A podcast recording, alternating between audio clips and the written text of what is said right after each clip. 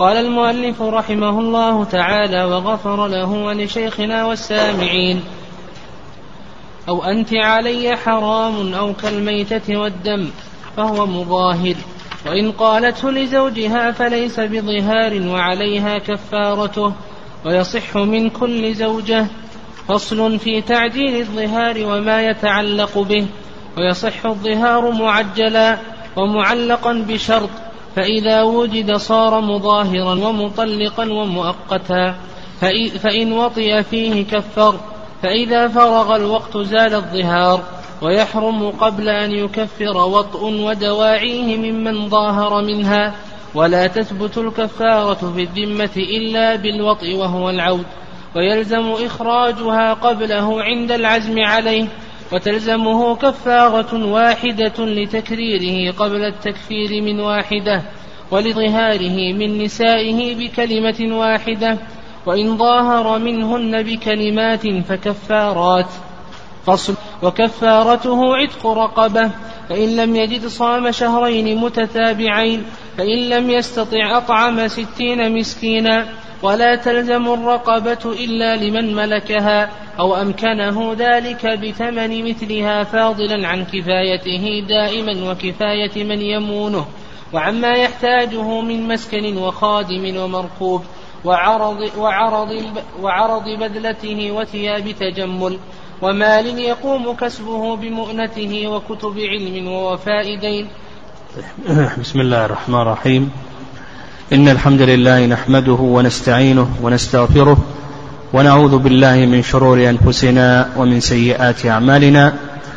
من يهده الله فلا مضل له ومن يضلل فلا هادي له. وأشهد أن لا إله إلا الله وحده لا شريك له وأشهد أن محمدا عبده ورسوله. وبعد تقدم لنا تعريف الظهار في اللغة والاصطلاح.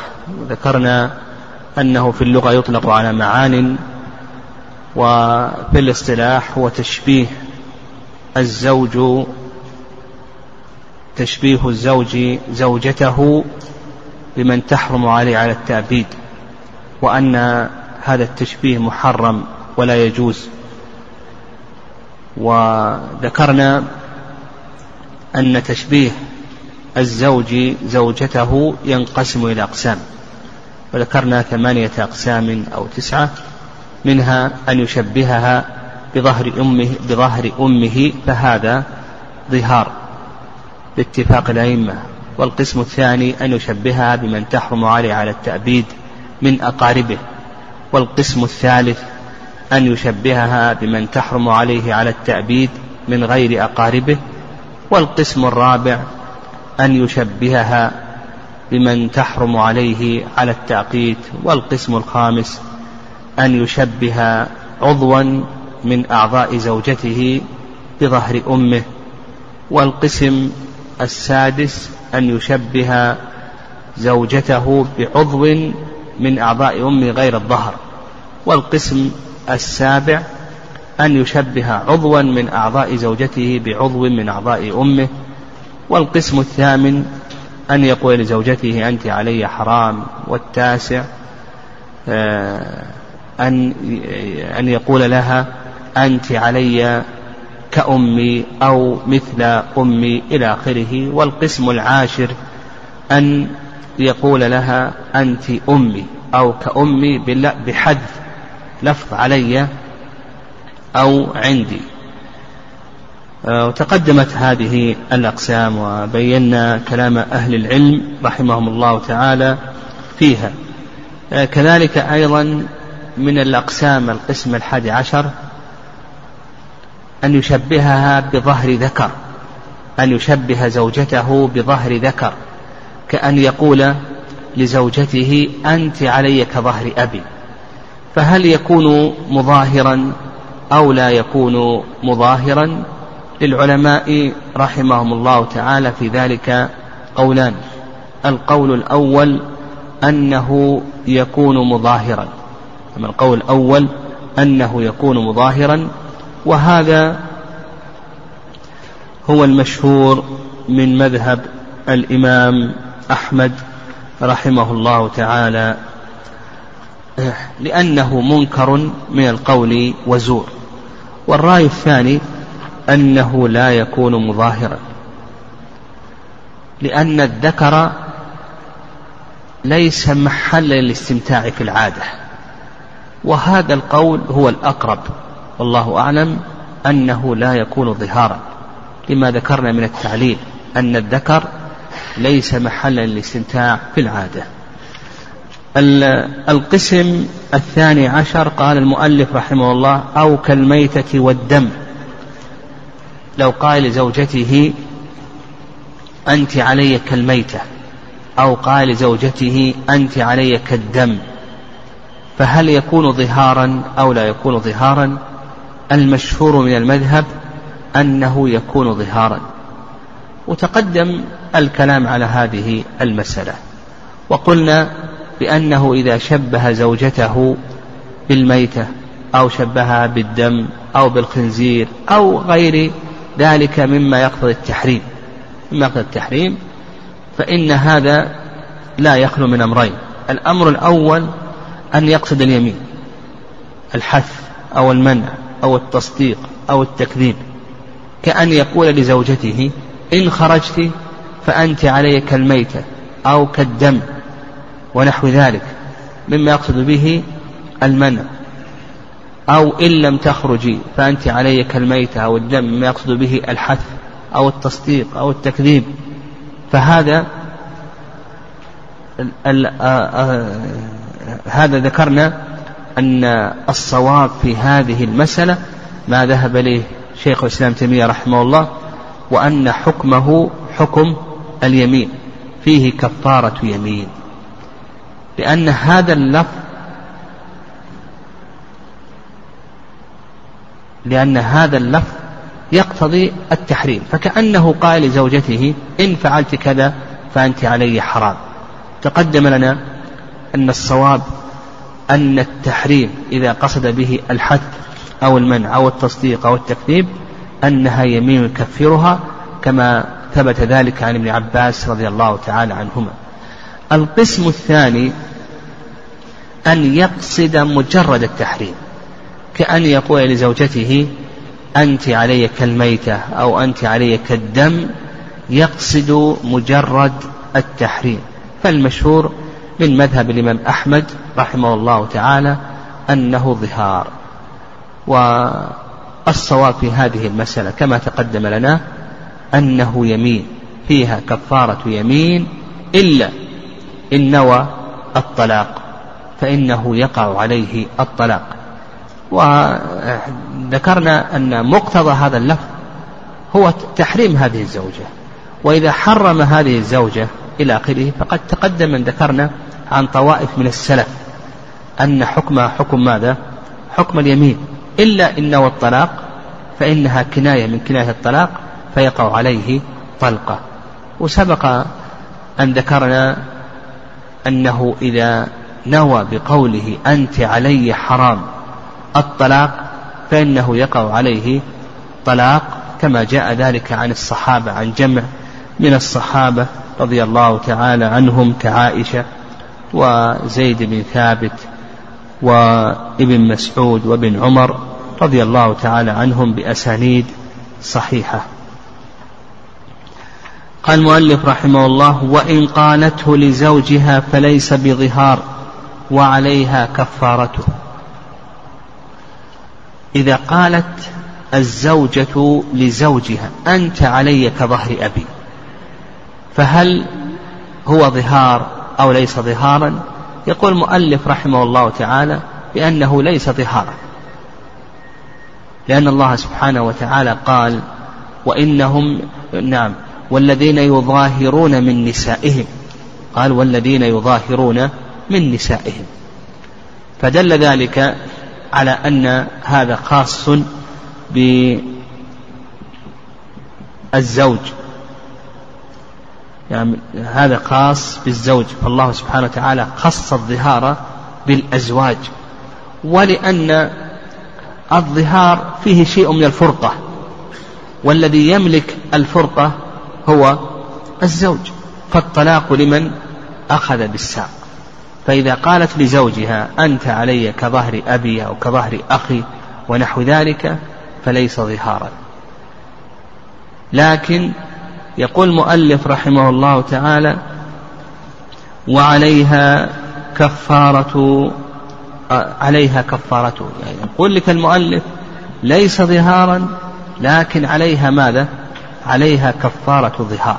وعلى هذا نقول لهذه المرأة يجب عليها أن تعتق رقبة فإن لم تستطع فإنها تصوم شهرين متتابعين فإن لم تستطع فإنها تطعم ستين مسكينا. واستدلوا على ذلك استدلوا على ذلك بما ورد أن عائشة بنت طلحة قالت إن تزوجت مصعب بن الزبير فهو علي كظهر أبي. يعني عائشة بن طلحة قالت إن تزوجت مصعب بن الزبير فهو علي كظهر أبي. فأفتاها أهل المدينة آه، بأن عليها اعتاق رقبة. نعم بأن عليها اعتاق رقبة. مما يدل ذلك على أن الزوجة إذا قالت لزوجها أنت علي كظهر أبي إلى آخره فإنه يلزمها كفارة الظهار. والرأي الثاني الرأي الثاني أنه يلزمها كفارة اليمين. وهذا هو الرواية الثانية عن الإمام أحمد رحمه الله وقال به عطاء. لأن هذا ليس ظهارا. ما دمنا نقول بأنه ليس ظهارا فكيف نلزمها بكفارة الظهار؟ هذا تحريم فتلزمها كفارة التحريم. كفارة التحريم بينها الله عز وجل بقوله يا أيها النبي لم تحرم ما أحل الله لك تبتغي مرضات أزواجك والله غفور رحيم. قد فرض الله لكم تحلة أيمانكم. قد فرض الله لكم تحلة أيمانكم. فالصواب في هذه المسألة أنه لا يجب عليها كفارة ظهار وإنما يجب عليها كفارة يمين لأن هذا اللفظ ليس ظهارا وإنما هو تحريم وكما تقدم عن ابن عباس رضي الله تعالى عنهما في الصحيحين أنه قال الحرام يمين فيها الكفارة نعم الحرام يمين فيها الكفارة. وأما ما ورد أن عائشة بنت طلحة رضي الله تعالى عنها أفتيت بأن عليها اعتاق رقبة فنقول عليها اعتاق رقبة هذا من كفارة اليمين. لأن كفارة اليمين فكفارته إطعام عشرة مساكين من أوسط ما تطعمون أهليكم أو كسوتهم أو تحرير رقبة. وربما أن الذي أفتاها يعني أفتاها بتحرير الرقبة تحرير الرقبة من خصال كفارة اليمين أراد التغليظ والتعزير عليها أو أنها رغبت في ذلك. يعني وأخرجت كفارة الرقيق خصوصا أن الرقيق في ذلك الزمن متيسر. يعني قال المؤلف رحمه الله تعالى ويصح من كل زوجة. يعني الظهار يصح من كل زوجة سواء كانت هذه الزوجة مدخولا بها أو كانت غير مدخول بها. سواء كانت مدخولا بها أو كانت غير مدخول بها وسواء كانت هذه الزوجة حرة أو كانت أمة. لقول الله عز وجل والذين يظاهرون من نسائهم وهذا يشمل نساء المظاهر سواء كن حرائر أو إماء وسواء دخل بهن أو لم يدخل بهن. ويؤخذ من كلام المؤلف رحمه الله في قوله ويصح من كل زوجة أنه لا يصح من ملك اليمين من الأمة التي يملكها بيمينه. هذه لا يصح الظهار منها. فلو قال لأمته أنت علي كظهر أمي.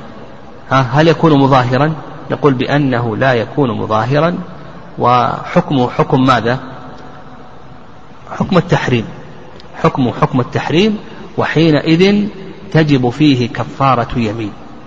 وكذلك أيضا لو قال لأم ولده أم الولد أمه يعني تعتق بموت سيدها.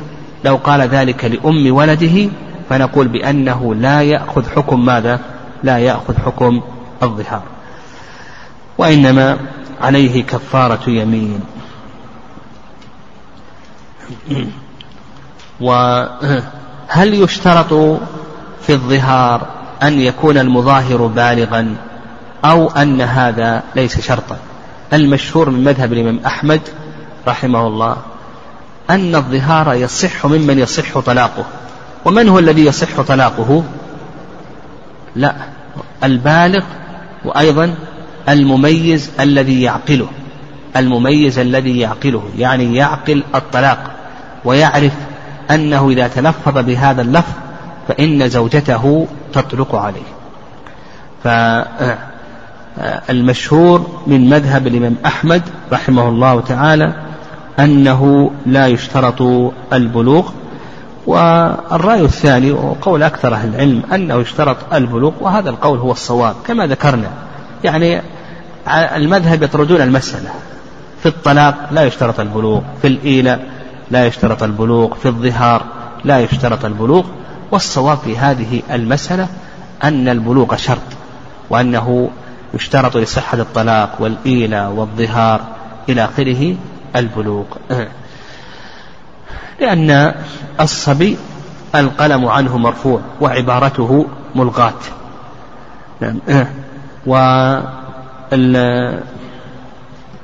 وهل يصح من الكافر؟ أو نقول بأنه لا يصح من الكافر. أم هل يصح من الكافر أو نقول بأنه لا يصح من الكافر. المشهور مذهب الإمام أحمد ذلك أيضا قول الشافعي أنه لا يشترط الإسلام. وتقدم لنا في باب أنكحة الكفار. ماذا ذكرنا؟ ها؟ نعم زين. أن حكم أنكحتهم كأنكحة المسلمين. يعني يترتب على أنكحتهم ما يترتب على أنكحة المسلمين. فإذا طلق الكافر يقع طلاقه. إذا آل من زوجته صح إيلاؤه. إذا ظاهر من زوجته صح ظهاره. تجب عليه النفقة تجب عليه العدة يجب عليه القسم إلى آخره. حكم أنكحتهم كأنكحة المسلمين. ويدل لذلك أن الله سبحانه وتعالى أضاف الزوجية إليهم. وامرأته حمالة الحطب. مما يعتبر أنها زوجة وأنه يترتب على هذه الزوجية أحكامها.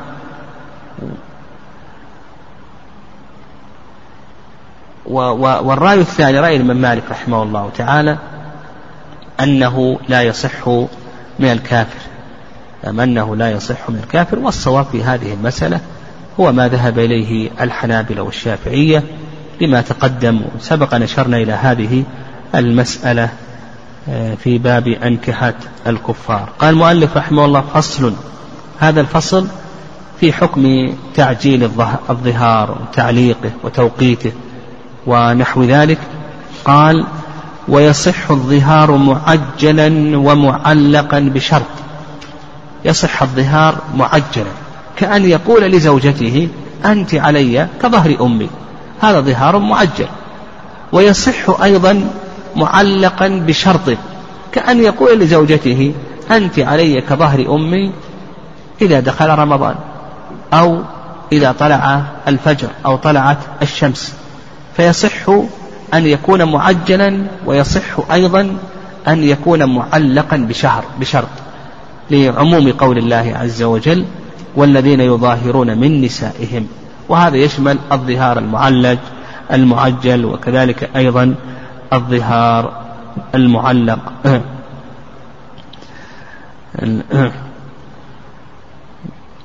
قال ومطلقا ومؤقتا. أيضا يصح الظهار أن يكون مطلقا بلا توقيت كأن يقول لزوجته أنت علي كظهر أمي. مطلق عن التوقيت. ويصح أيضا أن يكون مؤقتا كأن يقول لزوجته أنت علي كظهر أمي هذا الأسبوع أو هذا الشهر ونحو ذلك. ويدل ذلك حديث سلمة بن صخر رضي الله تعالى عنه فإنه ظاهر من زوجته شهر رمضان. نعم شهر رمضان. وعلى هذا إذا مضى الوقت فإنه لا يلزمه شيء. يعني إذا قال لزوجته أنت علي كظهر أمي مدة هذا الأسبوع. فإن إن مضى الوقت ها فإنه لا يلزمه شيء.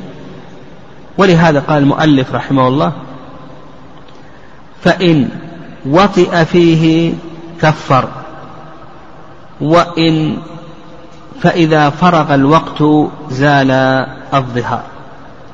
إن وطئ فيه كفر لظهاره. وإن مضت المدة ولم يطأ زال ظهاره.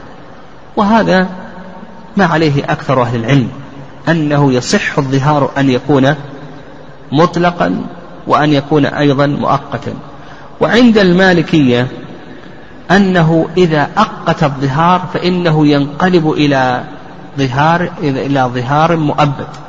يرون أنه ينقلب إلى ظهار مؤبد يعني عند المالكية. والذي يظهر والله أعلم هو ما ذهب إليه جمهور أهل العلم لما ذكرنا من قصة سلمة بن صخر. وهذه حيث سلمة بن صخر رضي الله تعالى عنه في السنة رواه أبو داود والترمذي والحاكم والدارمي وحسنه الترمذي إلا أن البخاري حكم عليه بالانقطاع. البخاري حكم عليه بالانقطاع وأشار البيهقي إلى كونه مرسلا. والحديث له شواهد. نعم له شواهد تعضده. قال المؤلف رحمه الله ويحرم قبل التك قبل أن يكفر وطء ودواعيه ممن ظاهر منها. ولا تثبت الكفارة في الذمة إلا بالوطء وهو العود. يقول المؤلف رحمه الله ويحرم قبل أن يكفر وطء ودواعيه ممن ظاهر منها. عندنا مسألتان. المسألة الأولى حكم دواعي الوطء يعني حكم الاستمتاع بالمرأة التي ظاهر منها. أما المرأة التي لم يظاهر منها كما لو كان له زوجتان أو له ثلاث زوجات إلى آخره فإنها لا تحرم. وهذا لا إشكال فيه. المرأة التي لم يظاهر منها هذه نقول بأنها مباحة سواء فيما يتعلق بالوطء أو بالاستمتاع. ما دام أنه لن يطأ حال الصيام. لكن بقينا في المرأة التي ظاهر منها. هل له أن يستمتع. أما الوطء فسيأتينا إن شاء الله أنه محرم وفيه خلاف فيما يتعلق بالإطعام. نعم. آه. لكن ما يتعلق بالاستمتاع. هل له أن ينظر إليها بشهوة وأن يمسها بشهوة ونحو ذلك من أنواع الاستمتاع؟ أو نقول بأنه ليس له ذلك. للعلماء رحمهم الله في ذلك رأيان. الرأي الأول أنه ليس له ذلك. وهذا هو المشهور من المذهب. ولهذا قال المؤلف رحمه الله وطء ودواعيه وهو قول أكثر أهل العلم أن أنه ليس له ذلك. لأن الله سبحانه وتعالى قال من قبل أن يتماس والذين يظاهرون منكم من نسائهم الذين يظاهرون منكم من نسائهم ما هن أمهاتهم إن أمهاتهم إلا اللائي ولدنهم وإنهم ليقولون منكرا من القول وزورا والذين يظاهرون من نسائهم ثم يعودون لما قالوا فتحرير رقبة من قبل أن يتماسى ذلكم توعظون به والله بما تعملون خبير.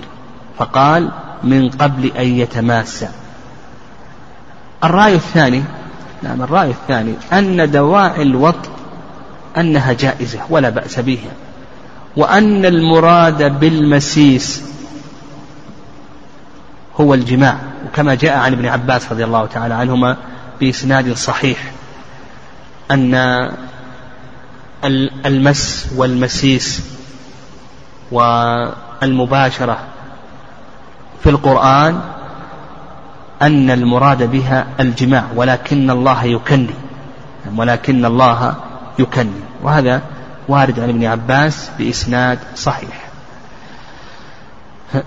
والأقرب والله أعلم في هذه المسألة أن يقال إذا ظن أنه سيطأ سيجامع فإنه لا يجوز. أما إذا ظن أنه لن يجامع فإن هذا جائز ولا بأس به. به. هذا جائز ولا بأس به. ومما يؤيد قول الجمهور حيث ابن عباس رضي الله تعالى عنهما وإن كان في إسناده ضعف أن النبي صلى الله عليه وسلم قال فلا تقربها حتى تفعل ما أمرك الله به. قال فلا تقربها. يعني فلا تقربها حتى تفعل ما أمرك الله به.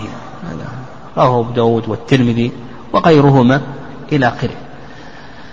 المهم الخلاصة فيما يتعلق بدواعي الوطء نقول إن ظن أنه سيجامع فلا يجوز له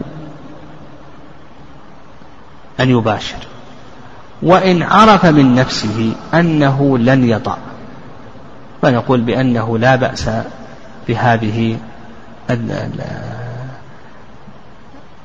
الدواعي وإن كان الأحوط إن كان الأحوط أن يترك مثل هذه الأشياء. هذا فيما يتعلق بدواعي الوطء بقينا في الوطء خصال الكفارة ثلاث خصال. اعتاق الرقبة والصيام والإطعام. أما الاعتاق والصيام فالقرآن صريح في ذلك وأنه ليس له أن يطأ حتى يكفر. إن أراد أن إن كان سيكفر بالعتق أو بالصيام. قال فتحرير رقبة من قبل أن يتماسى فصيام شهرين متتابعين من قبل أن يتماسى بقينا في الإطعام في الخصلة الثالثة الإطعام. الله سبحانه وتعالى سكت عن الإطعام. ولم يقيد الإطعام بالمسيس. فاختلف العلماء رحمه الله في هذه المسألة. المشهور من المذهب أنه لا يجوز له أن يطأ حتى لو أراد أن يكفر بالإطعام. ويدل لذلك أن الله سبحانه وتعالى منع الوطأ في الصيام. الذي تطول مدته. مدته شهران متتابعان. فإذا كان ذا هذا في الصيام الذي مدته شهران متتابعان فلا أن يكون ذلك في الإطعام الذي ينقضي بساعة أو ساعتين من باب أولى. وأيضا مما يدل لذلك ما سبق نشرنا إليه من حيث ابن عباس رضي الله تعالى عنهما أن النبي صلى الله عليه وسلم قال فلا تقربها حتى تفعل ما أمرك الله به. الرأي الثاني قالوا بأن وهذا ما عليه آه، هو المشهور المذهب وقال به كثير من العلماء. الرأي الثاني أن هذا جائز ولا بأس به لأن الله سبحانه وتعالى سكت عنه وما سكت عنه فهو عفو. والأحوط في هذه المسألة هو الرأي الأول وما عليه آه، وهو المشهور من مذهب الإمام أحمد رحمه الله تعالى. لأنه إذا كان ذلك الله سبحانه وتعالى حرم الوضع في كفارة رمضان في في خصلة الصيام التي تطول فلا أن يحرم ذلك في الإطعام الذي ينقضي في ساعة أو ساعتين ونحو ذلك من باب أولى. قال المؤلف رحمه الله ويحرم قبل أن يكفر وطء ودواعيه ممن ظاهر منها. ولا تثبت الكفارة في الذمة إلا بالوطء وهو العود. وش معنى قول المؤلف رحمه الله؟ لا تثبت الكفارة بالذمة معنى ذلك؟ يعني أن الكفارة لا تستقر. نعم الكفارة لا تستقر إلا بأي شيء؟ إلا بالعود. والعود هذا اختلف العلماء رحمه الله قبل ذلك العلماء من المفسرين والفقهاء اختلفوا في تفسير العود. يعني إذا ظاهر من زوجته وجبت عليه الكفارة لكن هل هذه الكفارة مستقرة؟ هل هي ثابتة؟ أو ليست ثابتة؟ يقول هذه الكفارة ليست ثابتة. وعلى هذا لو أنه طلق زوجته قبل أن يعود ها؟ هل عليه كفارة؟ نقول ليس عليه كفارة. لو أنه مات قبل أن يعود هل عليه كفارة وليس عليه كفارة؟ نقول ليس عليه كفارة. فالكفارة تجب بالظهار لكنها لا تستقر إلا بأي شيء؟ إلا بالعود. واختلف العلماء رحمهم الله ما المراد بالعود. نعم اختلف العلماء رحمهم الله ما المراد بالعود. المشهور من المذهب قال إلا بالوط وهو العود. فالمشهور من المذهب أن العود هو الوط وعلى هذا لا تستقر الكفارة بالذمة إلا بالوط الرأي الثاني أن المراد بالعود هو العزم على الوط وهذا قول قول أبي حنيفة والإمام مالك أن المراد به العزم على العود على الوطء العزم على الوطء الرأي الثالث رأي الشافعية أن المراد بالعود هو أن يمسكها زمنا يمكن أن يطلق فيه أن يمسكها زمنا يمكن أن يطلق فيه. يعني على رأي الشافعية أن الكفارة تجب متى؟ بالظهار إذا ظاهر ثم مضى لحظات يمكن أن يطلق وجبت عليه الكفارة. الرأي الأخير ورأي الظاهرية قالوا بأن أن المراد بالعود هو أن يكرر لفظ الظهار مرة أخرى. لأن الله سبحانه وتعالى قال ثم يعودون لما قالوا.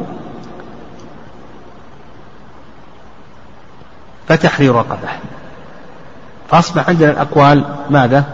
المشهور من المذهب أن المراد بالعود ماذا؟ الوطء الرأي الثاني رأي أبي حنيفة ومالك العزم على الوطء الشافعية أن يمسكها زمنا يمكن أن يطلق فيه ولا يطلق. فهنا يقولون بأنه عاد. وجبت عليه الكفارة. الرأي الثالث الرابع أن أن المراد به أن يكرر مرة أخرى. والذي يظهر والله أعلم أن أن أن المراد بالعود هو أن يعزم على الوطء وأن يعزم على وطئها كما هو رأي الحنفية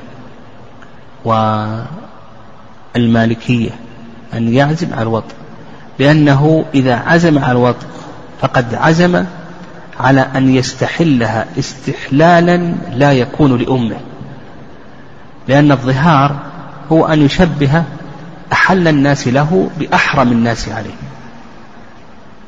فإذا عزم على الوطء فقد عزم على أن يستحلها استحلالا لا يكون لأمه. وأما رأي الظاهرية ثم يعودون لما قالوا فهذا رده ابن القيم رحمه الله. قال لو أن المراد هو أن يكرر لفظ الظهار. قال الله عز وجل ثم يعيدون ما قالوا. كذلك أيضا رأي الشافعية إلى آخره. نعم هنا نعم. ليس فيه عود لأنه وش, وش المراد؟ الله عز وجل قال ثم يعودون. ما المراد بالعود؟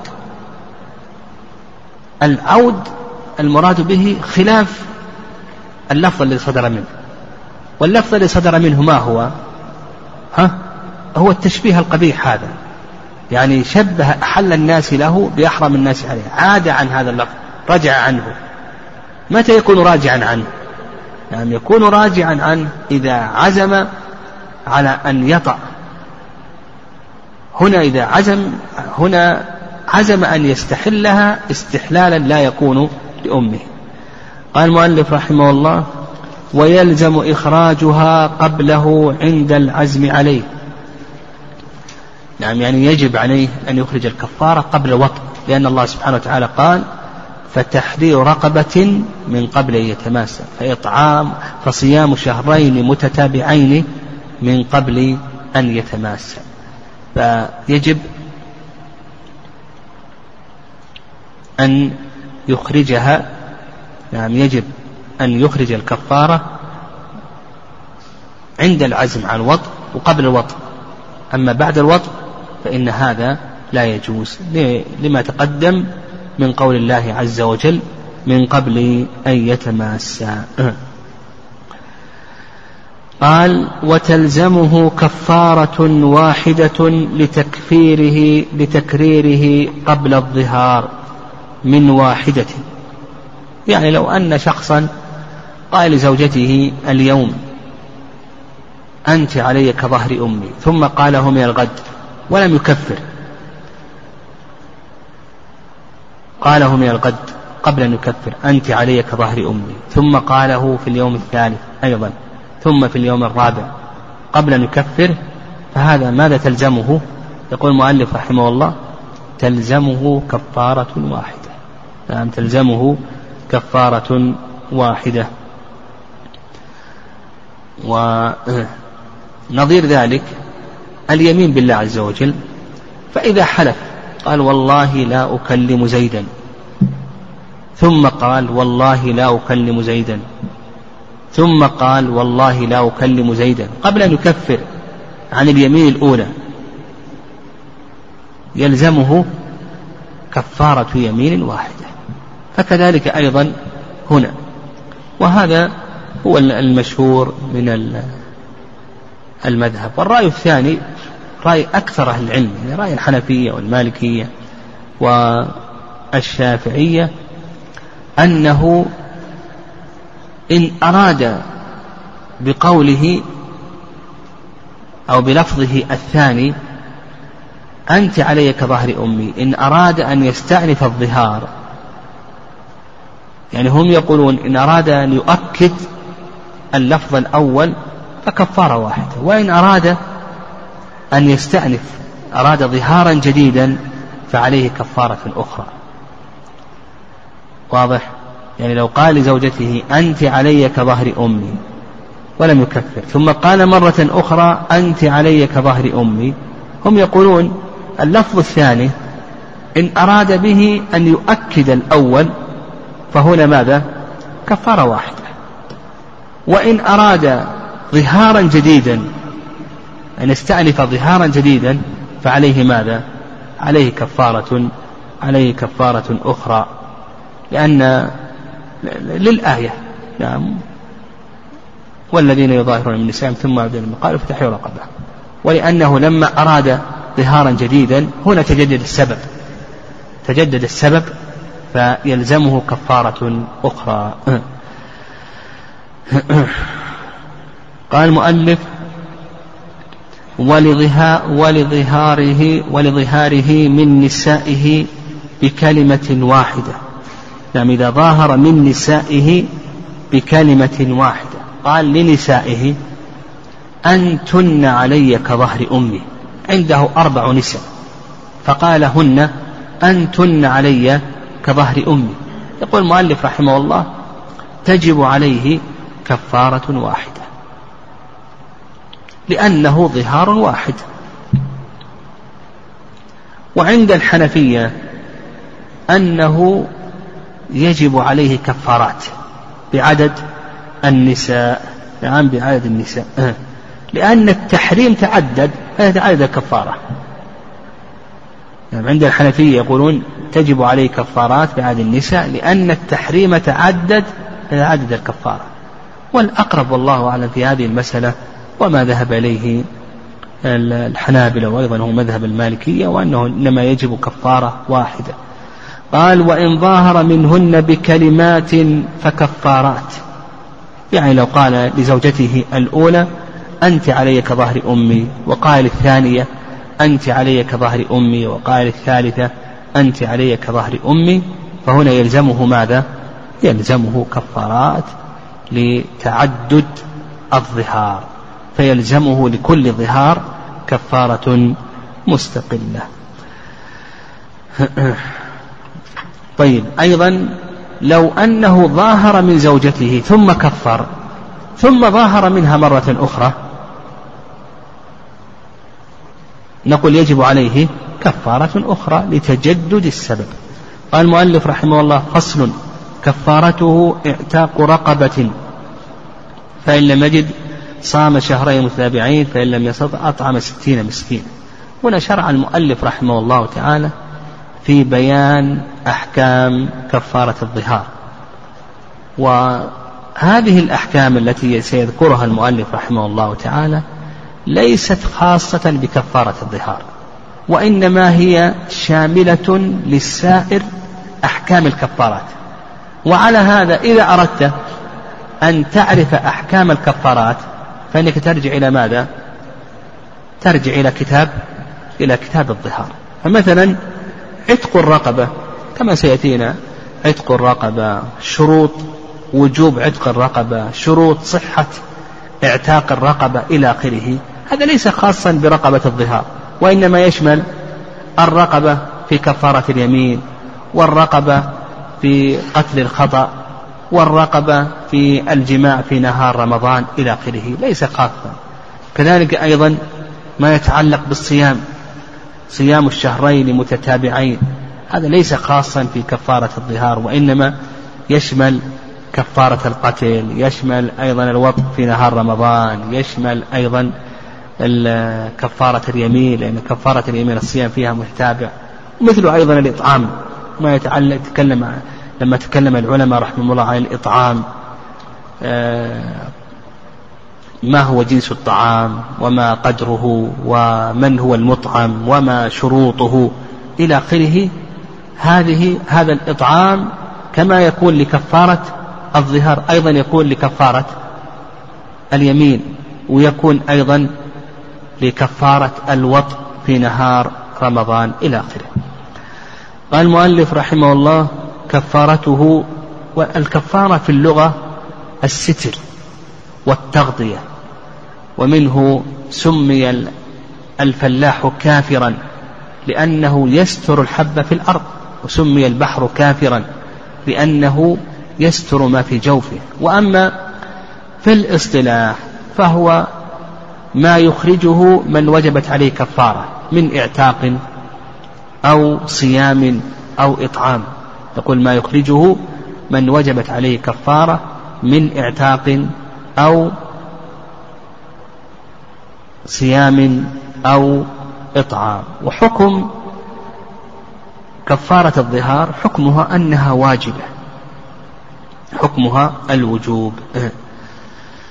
وهكذا سائر الكفارات. يعني سائر الكفارات حكمها أنها واجبة. كفارة الوطء في نهار رمضان كفارة القتل كفارة اليمين كل هذه الكفارات حكمها أنها واجبة. ويدل لذلك قول الله عز وجل فتحرير رقبة. يعني الواجب تحرير رقبة.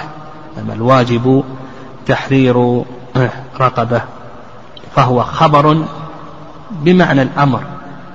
نعم فتحرير رقبة أي نعم. يعني خبر بمعنى الأمر أي ليحرر رقبة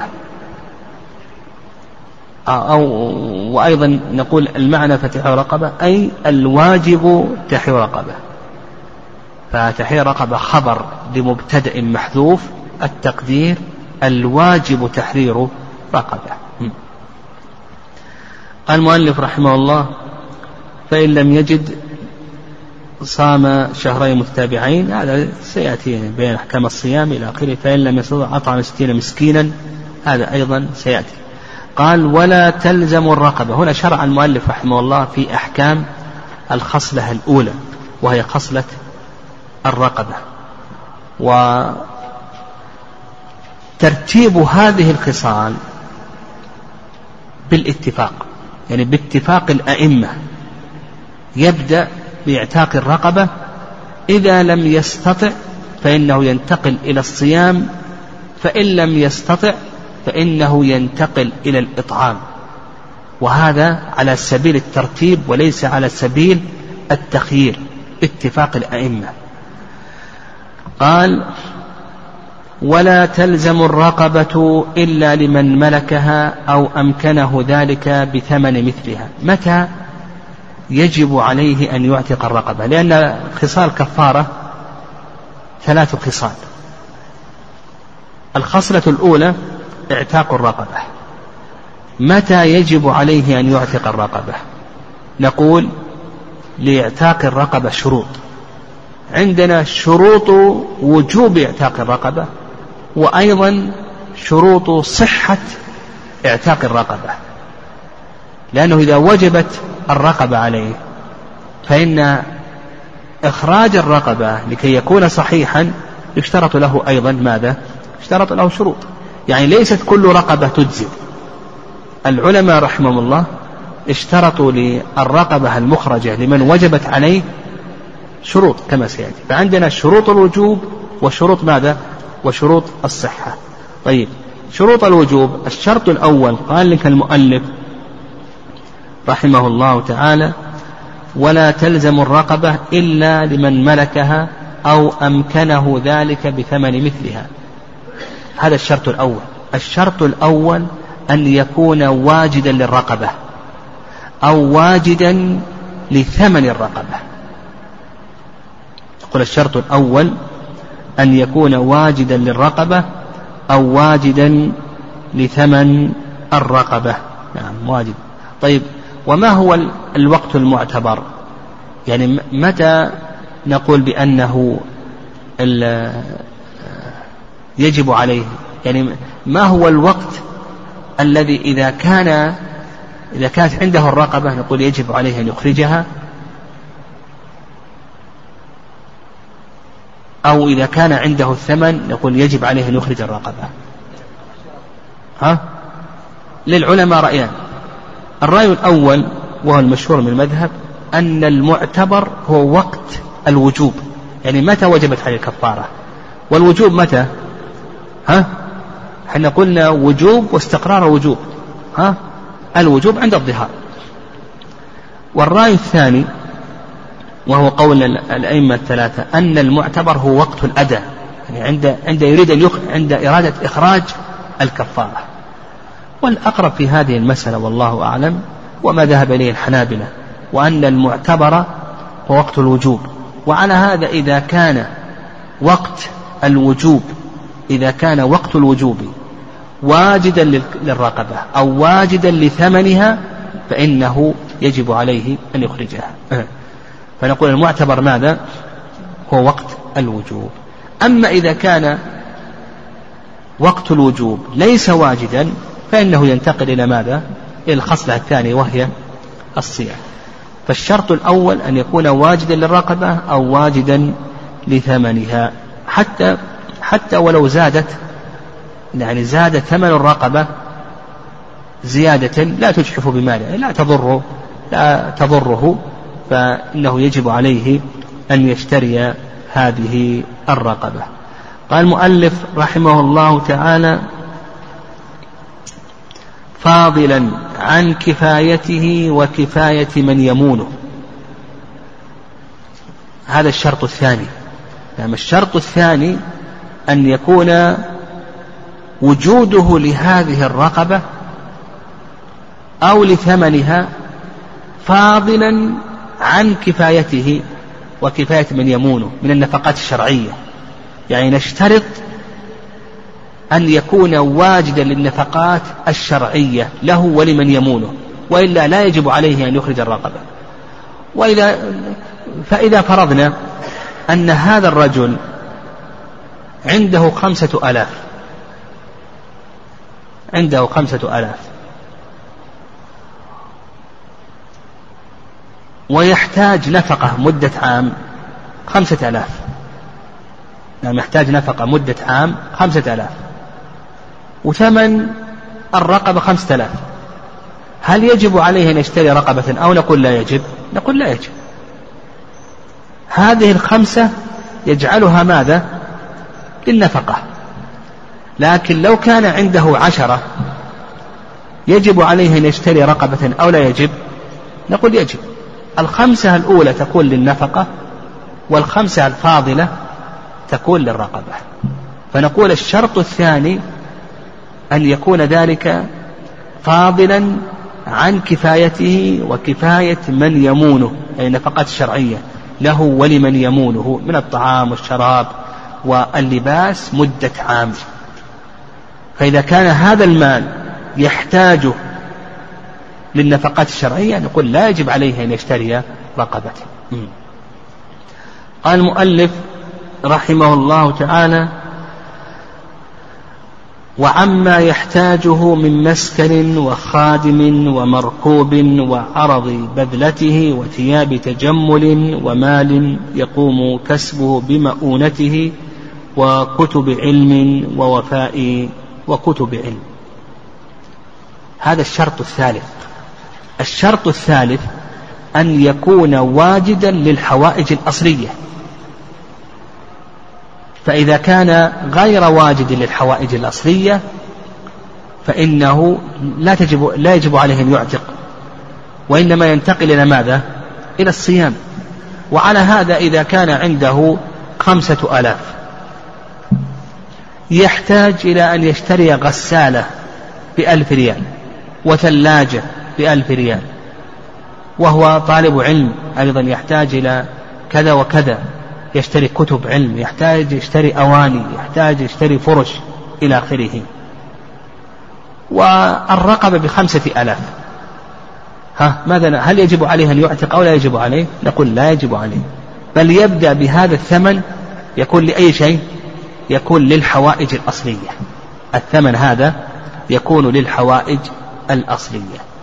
فإذا وفر ما يحتاجه فيما يتعلق بحوائج بحوائجه الأصلية ينتقل بعد ذلك لإعتاق الرقبة.